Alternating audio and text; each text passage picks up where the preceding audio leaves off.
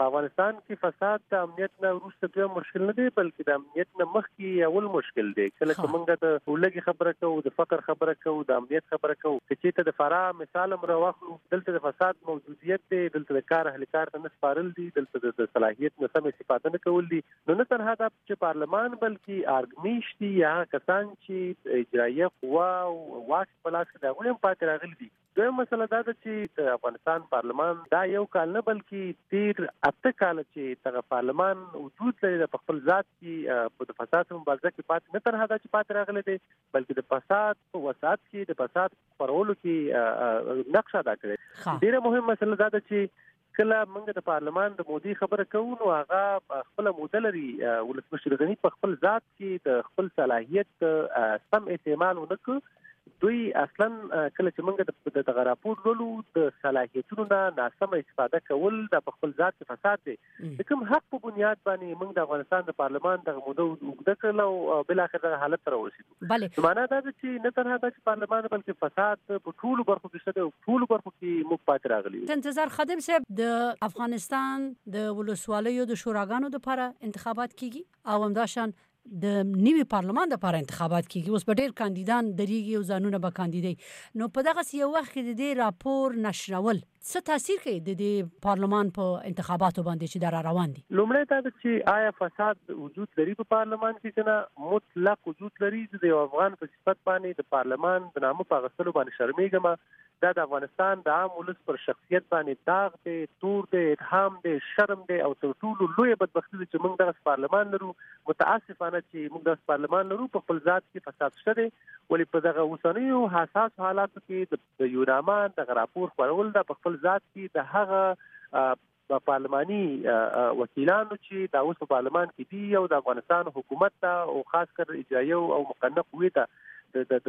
سردر جوړ شوی دی یا هم نړیوال ټولنې ته نور د منلو وړ نه دي دا غوي په وړاندې باندې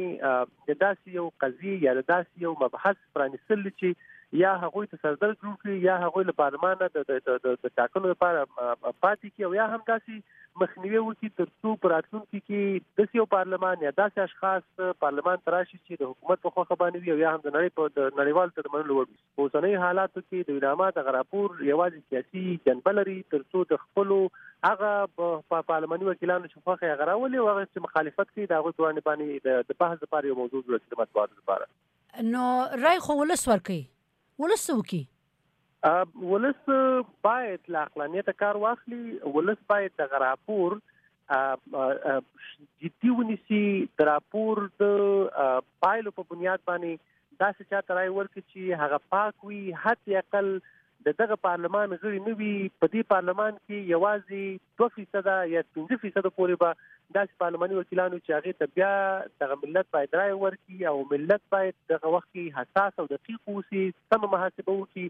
بیا هغه چا ته چې د غلاتو، د فساتو، د غصب تور دی پرې هغې ته رای ونه کړي، نو کله چې ملت رای ورکوي او اوس په افغانستان کې متاسفانه چې د ډېر پراخ فساد په لحاظ باندې د افغانستان ولس هم ډېر واک نه لري که دوی رائے ورکړي هم تر ډیره حد پورې د هغوی پر رائے باندې نه ولسمشر راځي او نه هم ولایتي شوراګانې او نه هم پارلمان خو که چېرته بیا هم نسبي نقش لري د افغانستان ولس باید تلاش وکړي چې ډېرو پاکو منظمو خلکو ته برای ورکړي تر څو حد اقل د افغانستان آینده لا خراب نشي او او او د بهبود طرف ته لاړ شي انتظار خادم صاحب دلته یو بل مسله هم شته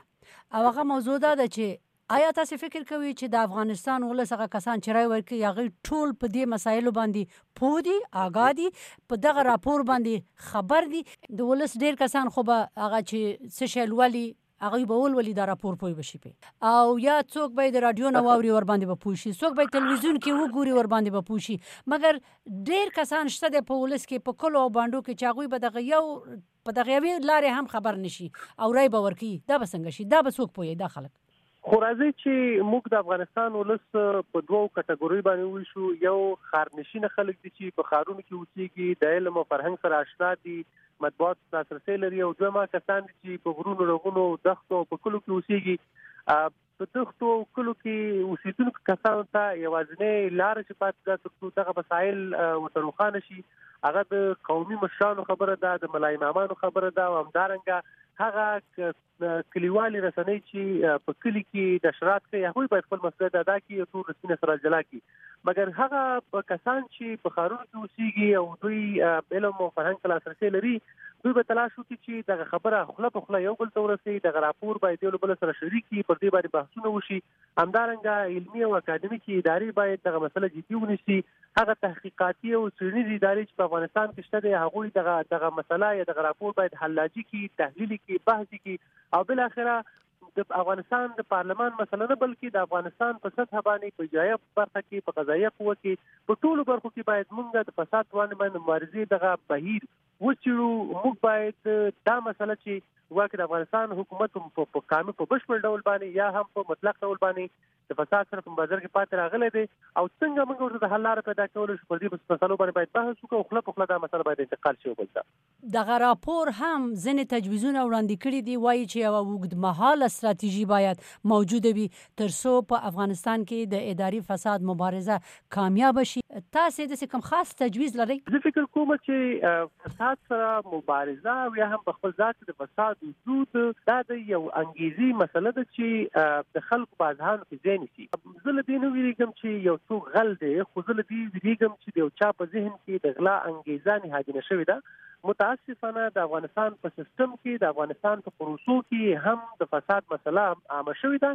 دا یوازې د اشخاص مسله نه بلکې دا د پروسو مسله ده مثلا که تاسو د افغانستان د قضایه قوی په خپل ذات کې د څارنوالۍ د د محاکمو او همدارنګه د د تحقیق د پولیسو دغه دغه روش تاسو وګورئ په خپل ذات کې په دغه پروسو کې فساد شته نو کله چې تاسو د پروسو له سیستم فساد راوباسي دا ډیره وګتمهاله پروسه ده لهدا د درې کار باید موږ وکړو یو دا چې موږ باید د فساد وړاندې باندې ټولنیزه مبارزه شروع کړو دویم موږ په پوهنتونونو کې په علمي ادارو کې دغه دغه مسله باید په علمي لحاظ باندې بحث وو او درې ما اساسي مسله د حکومت د چې هغه باید د مکافات او مجازاتو دغه پروسه په ډیر جدیت باندې عملی کی هر کس کس چې غل دی هغه باید ون شي باید په زندان ته واچول شي هغه کسان چې پاک دي دغه په وړاندې باندې باید د تقدیر دغه پروسه عام شي ترڅو غل او پاک سړی خپل ځان وپیژني په ټولنه کې یا حد اقل په ټولنه کې عام خلک چې دي هغه ته باید دغه روحیه ورکړل شي چې غل غل دی فساد فساد دی کله چې تاسو دا ویني هم په خپل باندې منی کوي او هم حکومت ته یا کسان چې د فساد سره مبارزه کوي دا غوي ته هغه ته باید آگاهي ورکړي نو مسله دا ده چې ټولنیز مقاومت او ټولنیز اختلاف به رامنځته شي حکومت باید مکافات او مجازات وکړي او په عین وخت کې علمي او او اکاډمیک ادارې باید دا یو علمي مبحث په څیر هیڅ باندې رامنځته کړي او بل اخره وګد مهال پروسه باید پیل شي ولې شروع باید لنه نو شي څومره چې نو سکیږي غومره د افغانستان هویت او د افغانستان راتلونکي څه د مرسته ولې شي ډیره زیاته مننه انتظار خادم صاحب مننه ډیره مهرباني